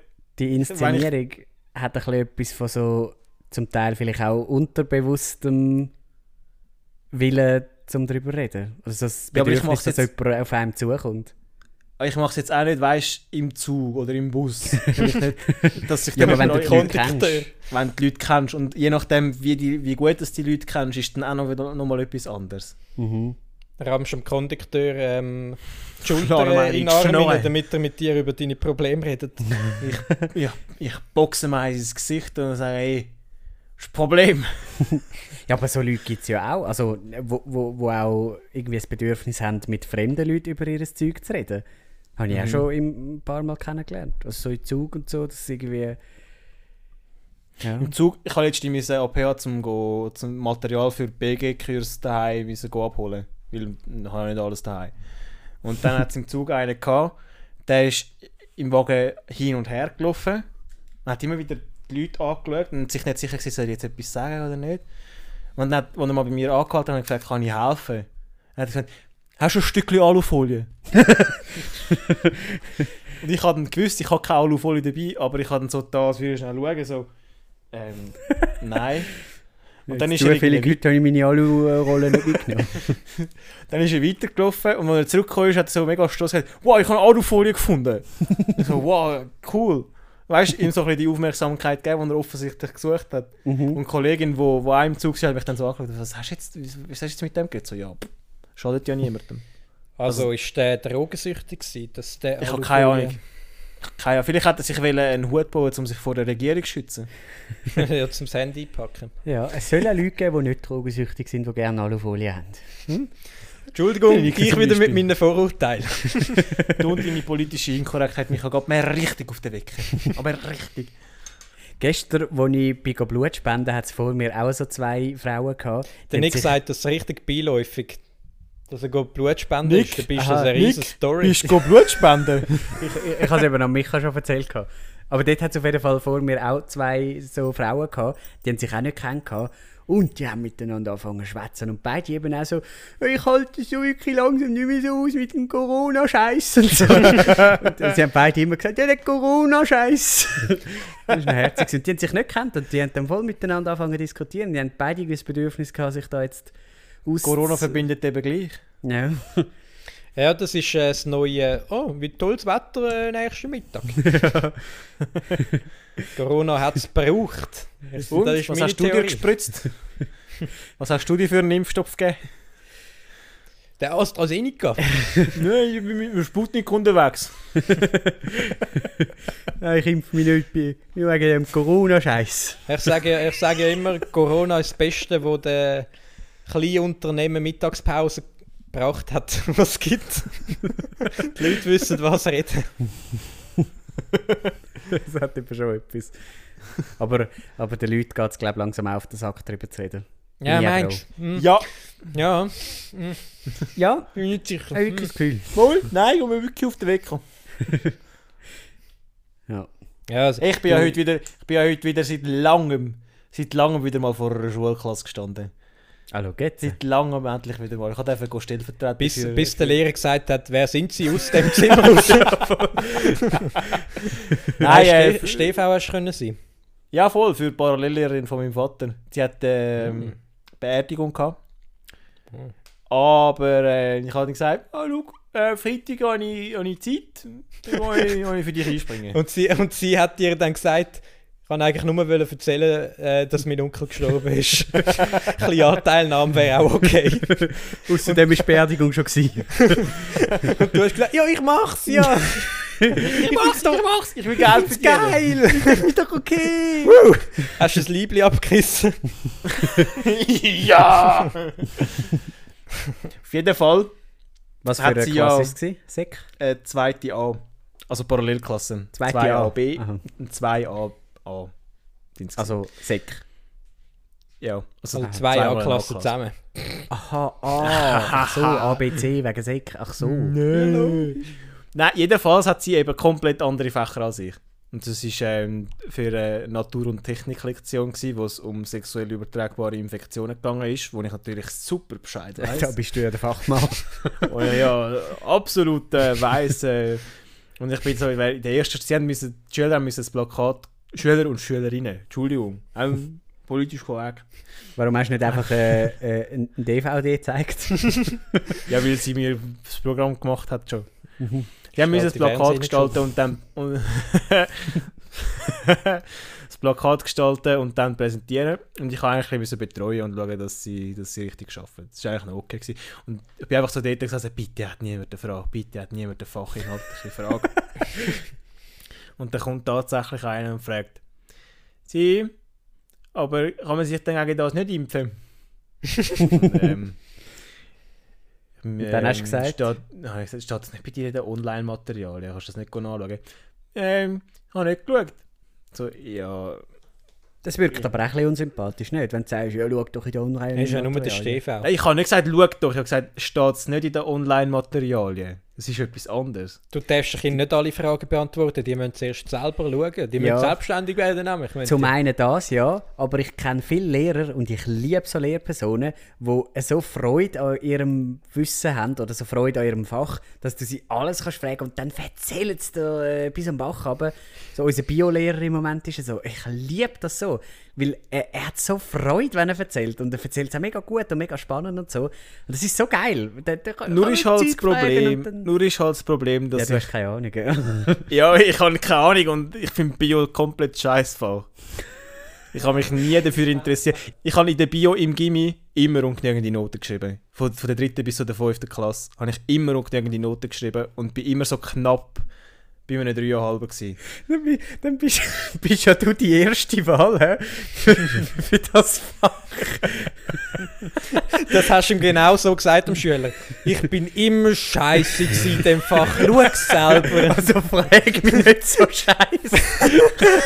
Gang wieder an. Ich bin da, dass ihr keinen Scheiß machen und nicht zum euch Zeug erklären. Da, dafür gibt es den Lehrer. Gang, geh vor die Tür und überleg dir, was da für Scheiße so Man, entweder muss es ich jetzt googlen oder du tust es googlen. Also leck mal am Wir Arsch. können meinen, ich bin da ein wandelndes Lexikon oder so. Hast du selber ein Handy oder Moni? Nein, du, ich habe ihm dann nachher erklärt, du, schau, ich unterrichte selber kein Bio, ich weiß es nicht, äh, ich müsste es selber auch anschauen. Und dann äh, hat er gefunden, ja, okay.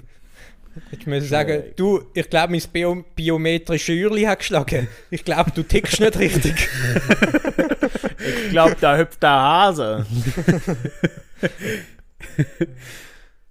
Nein, jedenfalls zu meinen Bionoten. Ähm, ich has mich jetzt mit einer Note können retten Mhm. weil ich irgendwie noch genügend mündlich hatte. Und die Biolehrerin ist dann vor der letzten Prüfung bei ihr in dem fünften, bevor ich Wahlfach hatte, in der sechsten, sie zu mir und gesagt, sie wissen, dass sie die und die Noten bräuchten, um, um eine genügende Vornoten zu haben für, für, für das sechste Jahr. Ich habe gesagt, ja, das habe ich auch so ausgerechnet. Also ich hätte einen 5, ich hätte, ich hätte einen 5, 6 gebraucht und äh, habe nachher einen 5, 8 geschrieben. Hey, hey, hey, du, schau jetzt. In your Dann hast du face. den Finger abgesteckt und zu der Lehrerin übergesch- übergeschillt. Und gesagt, sie, irgendwann übernehme ich so eine Stunde. Jeder Finger so einzeln. gesagt so, Also, jetzt wird ich aber nichts mehr hören da hinten. da vorne. Aber es ist wirklich, ich, es ist, ich habe mir wirklich so gedacht, jetzt will ich aber bitte nichts mehr hören von dir. Jetzt will ich einfach keinen Mhm. Pieps mehr, weil sie ist so gekommen, gell, sie brauchen dann einen 5-6, so im Sinne von, das schaffst du eh nicht. Äh, das, das hast du eh nicht drauf. Und dann ist so extra die Motivation noch, gewesen, das zu schaffen und der, der Kuh das zu beweisen. Da schlägt sich wieder der Bogen, dass wir so Geschichten von den Underdogs einfach lieben. ja, gell? Die, die es Du aufgeschafft weißt, woher das es kommt? Du weißt, woher das das meine Liebe zum Underdog kommt. Ja. Hey, der Bogen selber habe ich keine mega schön geschlagen, oder? Wir müssen die Folge eigentlich aufhören. Ja, ja Ja, willst, mach. oder was? Ja, nein, also wenn wenn es noch weitere Schulgeschichten gibt, ich, ich, ich lausche gerne. Hast du denn jetzt die Ähm. Noten äh, eingerahmt und aufgehängt, als du bei der Klasse warst? Die, die, haben- hä? Es gibt, doch, es gibt doch immer bei Nein. den, es gibt doch immer so ähm, Fahrerlehrer, die auch Insta haben.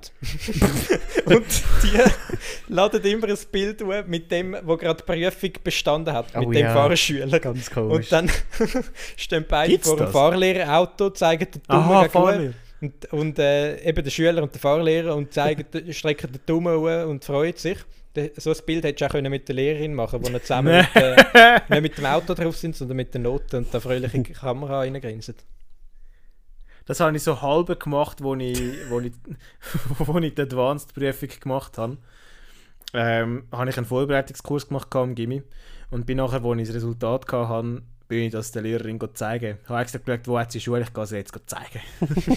Und dann hat es ein Aber Selfie nicht- gegeben. Nein, hat es nicht gegeben. Äh, so weit ist es nicht gegangen. Bist du zu ihr gegangen und hast so gezeigt, so, da. Und sie hat gesagt, ja, gut. ja, lässig. Ähm, Wieso halt hat, hat, hat die auch nicht an dich geglaubt, dass, dass der hast müssen- Das war eine coole Lehrerin. Gewesen. hat sie gefragt, äh, wer bist jetzt du nochmal? nach einer Woche, wo du nicht mehr da bist. Hi, here are my results from the exam. Ähm, Sie hat gesagt, who the hell Peter? Peter, nein. Max. Robert, Lukas, Ist so dort und hat überlegt, zwei Minuten lang. oh, genau. Ah, genau, die Dings. ja, Äh, genau, die- logisch. Da bin ich logisch. ich weiss nicht, wer du bist. Jetzt fällt es mir wie Schupp von den Augen. Und da hast du gesagt, äh, ja, der Jan. Ja, ja, klar, der Jan, wo, wo letztens äh, Dings, ja, ja. Den wieder. Osterjan. Der Vater von der, von der Vom Vorbereitungskurs, ja logisch. Ah, sehr geil. Gute alte Schulgeschichte. Ja, und was ist das Feedback? Ich liebe deine Schulgeschichten, die geben immer so viel her. Was Feedback? Was ist jetzt das Feedback von dieser Stunde? Bekommst du doch sicher auch mit so Feedback, nicht? Nein, es war ja gar nicht da. Gewesen. Ah ja, blöd. Und von den Schülern hat es auch keine Resonanz gegeben. Ja, weil es halt Parallelklasse von meinem Vater ist, hat dann der eine beim Rausgehen gefunden, «Tio, es ist ja jetzt schon komisch, zweimal Herr Reinhardt zu sagen.» Ja, ja Und dann hast du mir gesagt, du nein. Wichser. Mach das der kann Namen- Fulltouch. Hey, das ist im Fall... Mach das der Hat Land er- gewünscht. Mach die vom Acker. Noch einmal so einen Spruch und ich auch der Reis. Nein, was fällt dir eigentlich in meinen Nachnamen zu beleidigen? Haben wir ihn auch nicht ausgesagt. Ihre Tochter ist eine dumme Sau. Und jetzt raus hier. Ja, Bechend lässt das noch einer von diesen Schülern, oder vielleicht lässt das der Schüler noch. Ja, Wie- keine wie- wir, wir, wissen ja nicht, wer unseren Podcast lässt. Das oder? ist so. Namen sind geändert in dem Podcast. Wie gehst du eigentlich amig vor, wenn du so ein Ersatzlehrer bist? Also das sind ja eigentlich immer die, wo, wo niemand gern hat, jetzt mal so per se, und, und dann tut man, tut man ja immer verarschen, wie dass du die falschen an tust und so. Wie gehst du in so Situationen um? Es hat jetzt da weniger gegeben, weil ich mit diesen Klassen schon mal auf einer Schulreise dabei bin. Und auch schon einen Lektionsbesuch gemacht habe für einen Auftrag an der PH in der Aber das einen sind Klasse. nicht die verhaltensoriginellen Schüler. Nein. Das ist eine, eine reguläre Sek, ganz normale Sek. Also, Ähm, ich habe nur gewusst, Ja, dass die du mal mit die denen haben- im Lager warst. aha ja, aber ich bin auch mit der anderen mal auf einer Schulreise. Also. Man macht ja, was man kann. gell? Muss ja schauen, wo man bleibt. Muss ich schauen, wem das mir hilft. Irgendwann muss man ja Sport machen, gell? Wie vielen Hilfswerk das mir mithilft. Ja, aber dann, dann kann man sich einfach auf das dort äh, zurücksetzen. Also was, wie war es dann gewesen in dem Lager? Da bist du ja dann auch, also irgendwann bist du ja mal der, der Ersatzlehrer gewesen, der das erste Mal gekommen ist. Ja, also die, bei dieser Sonderschule bin ich ja schon gewesen und die meisten Kinder habe ich kennt. Das ist in dem Sinne im Lager selber nicht das Problem gewesen. Es ist halt so, am Anfang ist es eher so gewesen, dass sie ein bisschen ausprobiert haben. So ein bisschen, was können wir, was können wir bei ihm, was wir bei anderen nicht können. Ah. Ist zum Beispiel an einem, an einem Mittagstisch zum Beispiel, wenn, habe ich einen Mittagstisch übernommen bei der einen Gruppe. Und dann haben sie gesagt, aber bei dem Lehrer dürfen wir das haben. Und ich in meiner zweiten Woche, ja, in dem Fall, dann. Dann habe ich aber am nächsten Tag mit dem Lehrer geredet. Und das nächste Mal beim Mittagstisch haben sie dann wie probiert, das dann automatisch zu machen. Und ich habe gesagt, äh, äh, ich bin zurückgekommen. Ihr habt mich angeschaut, ihr dürft nicht. Das habe ich früher auch immer gemacht. Dass man so halt immer getestet hat, was, was kann man jetzt denen sagen, äh, dass man anscheinend immer darf machen. Ja, Klassiker ist immer mega das Namensschild, gewesen, um da einfach den Namen zu ändern. Mhm. Das habe ich aber selten Ah. mitgemacht. Das haben ähm, Leute haben sich einfach als jemand ausgegeben, der gar nicht in der Klasse war, weil die Person zum Beispiel krank war. Und dann hätten sie eine Absenz bekommen. Und dann haben sie es am Schluss müssen zugeben. Das haben wir einmal der PH gemacht, haben wir dann aber erst in der zweiten Lektion gemerkt, dass das eigentlich noch lustig wäre. Wir haben dann mal müssen Namenstafel, dass der Lehrer dann das Gefühl hatte, er kann uns besser ansprechen. Dann haben wir uns falsche Nachnamen auf die Namenstafel geschrieben und dann hat er uns falsch angesprochen. dann hat er gedacht, hey, wir haben doch gar keinen Herr Hugentobler bei uns im Kurs. hat er so auf die Liste geschaut, da ist kein Herr Hugentobler, das sind Sie im falschen Kurs. und der andere hat dann so gesagt, "Hm, nein, ich glaube nicht, das ist doch das Zimmer so und so. Und dann hat er gesagt, hä, aber letzte, hä, wir haben keinen Herr Hugentobler gehabt, das sind alle da, hä? Hat er sich mega gewundert und nachher hat er gecheckt, ja, sind einfach andere Nachnamen genommen. und dann irgendwie gecheckt, jetzt stimmt kein Nachname mit den anderen überein. Gewisse Scherze werden nie alt. Es gibt ja mega viele so Hollywood-Stars, die mit so Fake-Namen einchecken, die Hotels. Das finde ich mega cool. Das ist, Haben aber auch ähm, habt ihr gewusst, dass auch SBB-Kontrolleure teilweise Fake-Namen auf ihren. Ausweis haben? ja, weil die beleidigt werden. Das hat uns der Ja. Merlin erzählt. Hat er das im Podcast Ich erzählt? bin nicht sicher, ob in oder äh, out äh, vom Podcast. Hat der? Hä? Ja, ja. Das hat er über, das erzählt. hat mir jemand anderes eben ich erzählt. Von ihm. Bin mir Also ziemlich sicher, dass mir das jemand anderes erzählt hat. Weil der Merlin schafft nicht als SBB-Kontrolleur. Da spürt man wieder die Hassliebe vom äh, Jan zum Merlin. Es ist, etwas Nein, das hat es ist eine tolle Info, die kann nicht von Merlin kommen. Es kann gut sein, dass er uns das erzählt hat. Ich weiß einfach, dass ich das von einem SBB-Kontrolleur weiß. hat er so die Spiele Und- kontrolliert und gesagt, ich nicht meinen richtigen Namen. ähm. Du hast Nein, ich kenne dann, kein, ich kenn dann keinen, der als SBB-Kontrolleur schafft. Also keine. Ach so. Ist Kann eine übrigens mal- so einen Ex- Ex-Bachelor-Kandidat, habe ich auch als, als äh, Ticketkontrolleur angetroffen, plötzlich. Also ich schaue ja nicht Bachelor, aber ich habe es damals mitbekommen durch die 20-Minuten-Artikel und so. Und dann habe ich gedacht, hä, von irgendwo kenne ich doch das Gesicht. Dann ist es... Also Äh, Micha ganz unauffällig. «Ja, Ich schaue ja eigentlich Bachelor nicht. ist genau ja, ich will etwas- nicht, ich will nicht... Also man kann gerne einen falschen Eindruck von mir haben, aber bitte nicht den, dass, dass ich Bachelor schaue. Ist Micha es was andere über dich denken. Zu einem gewissen Maß schon, ja. Ist ja auch gesund, zu einem gewissen Maß. Ja, hoffentlich auch. Ich meine, Mhm. sonst Also ich würde- will jetzt zum Beispiel nicht, dass, dass jemand von mir findet, ich sei das grösste Arschloch, das rumläuft. Ja, es gibt, nicht. ich, das finde ich immer so lächerlich, wenn Leute sagen, ja, mir ist scheißegal, was andere von mir denken. Ja, wieso hast du denn Kleider an? Kannst ja auch nackt in der Gegend rumlaufen, wenn dich nichts juckt. Hey, aber das kannst du ja auch machen, weil es einfach dir wohler ist. Ja, ich glaube, äh, Also ich würde nicht nackt umeinander laufen, auch weil einfach ich nicht will nackt umeinander also wenn laufen. du, in der, wenn du in der Wohnung allein bist, dann laufst du wahrscheinlich in der Unterhose rum, nehme ich jetzt mal an. Ja. Und du wirst ja jetzt nicht in der Unterhose von außen rumlaufen. Aber das ist eben, weil es dir nicht scheißegal ist, was andere Leute von dir denken. Ja, das ist aber etwas anderes als nackt rumlaufen. Ja gut, dann in der Unterhose. Ich kann es natürlich ein bisschen drastisch sagen. Unterhosen und T-Shirt, da äh, laufe ich gerne mal zum äh, Das ist zum Clickbaiting, Briefkasten Micha. Ja, Briefkasten ist etwas anderes, weil das hat noch, hat noch einen gewissen Style, wenn du im Badmantel und in der Unterhose und, und der Ziege in der Hand Badmantel und der- Briefkasten gehst. Aber Badmantel und Das ist nicht noch, sein Morgenstyle. Ich Kein Schmauker. noch Jack Daniels in der, in der linken Hand und äh, Johnny Depp Frisur. Ja, das wäre schon cool. No Smoke halten. So ein bisschen à la The Dude bei Mhm. The Big Lebowski.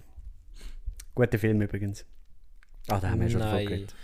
Mm, Ja, haben wir drüber Ja gut, aber ich meine, damit haben wir eigentlich auch gerade wieder äh, den Bogen geschlagen zum Anfang. Ah ja. Weil das Markus sein Lieblingsfilm ist, oder Ja. wieso? Und, äh, Ah. und äh, der Markus, äh, über den haben wir ja geredet. Mhm. Haben wir den Film geschaut, wo, wo er uns empfohlen hat? Der Goldene Handschuh, oder wie er heißt. Den haben wir Den haben wir geschaut, geschaut, ja. Wow. Der hat er aber nicht im Podcast uns empfohlen. Nein, der hat er uns Mhm. nachher empfohlen. Ich habe ihn nicht geschaut. Schaurig, Ja, gruselig. Aber gut. Aber also, also, der ja. Film ist jetzt nicht wahnsinnig gut, aber man muss, man muss am Film lassen, die Szenen bleiben im Kopf. Ja. Es ist ein Ja, sehr ich niedriger Film.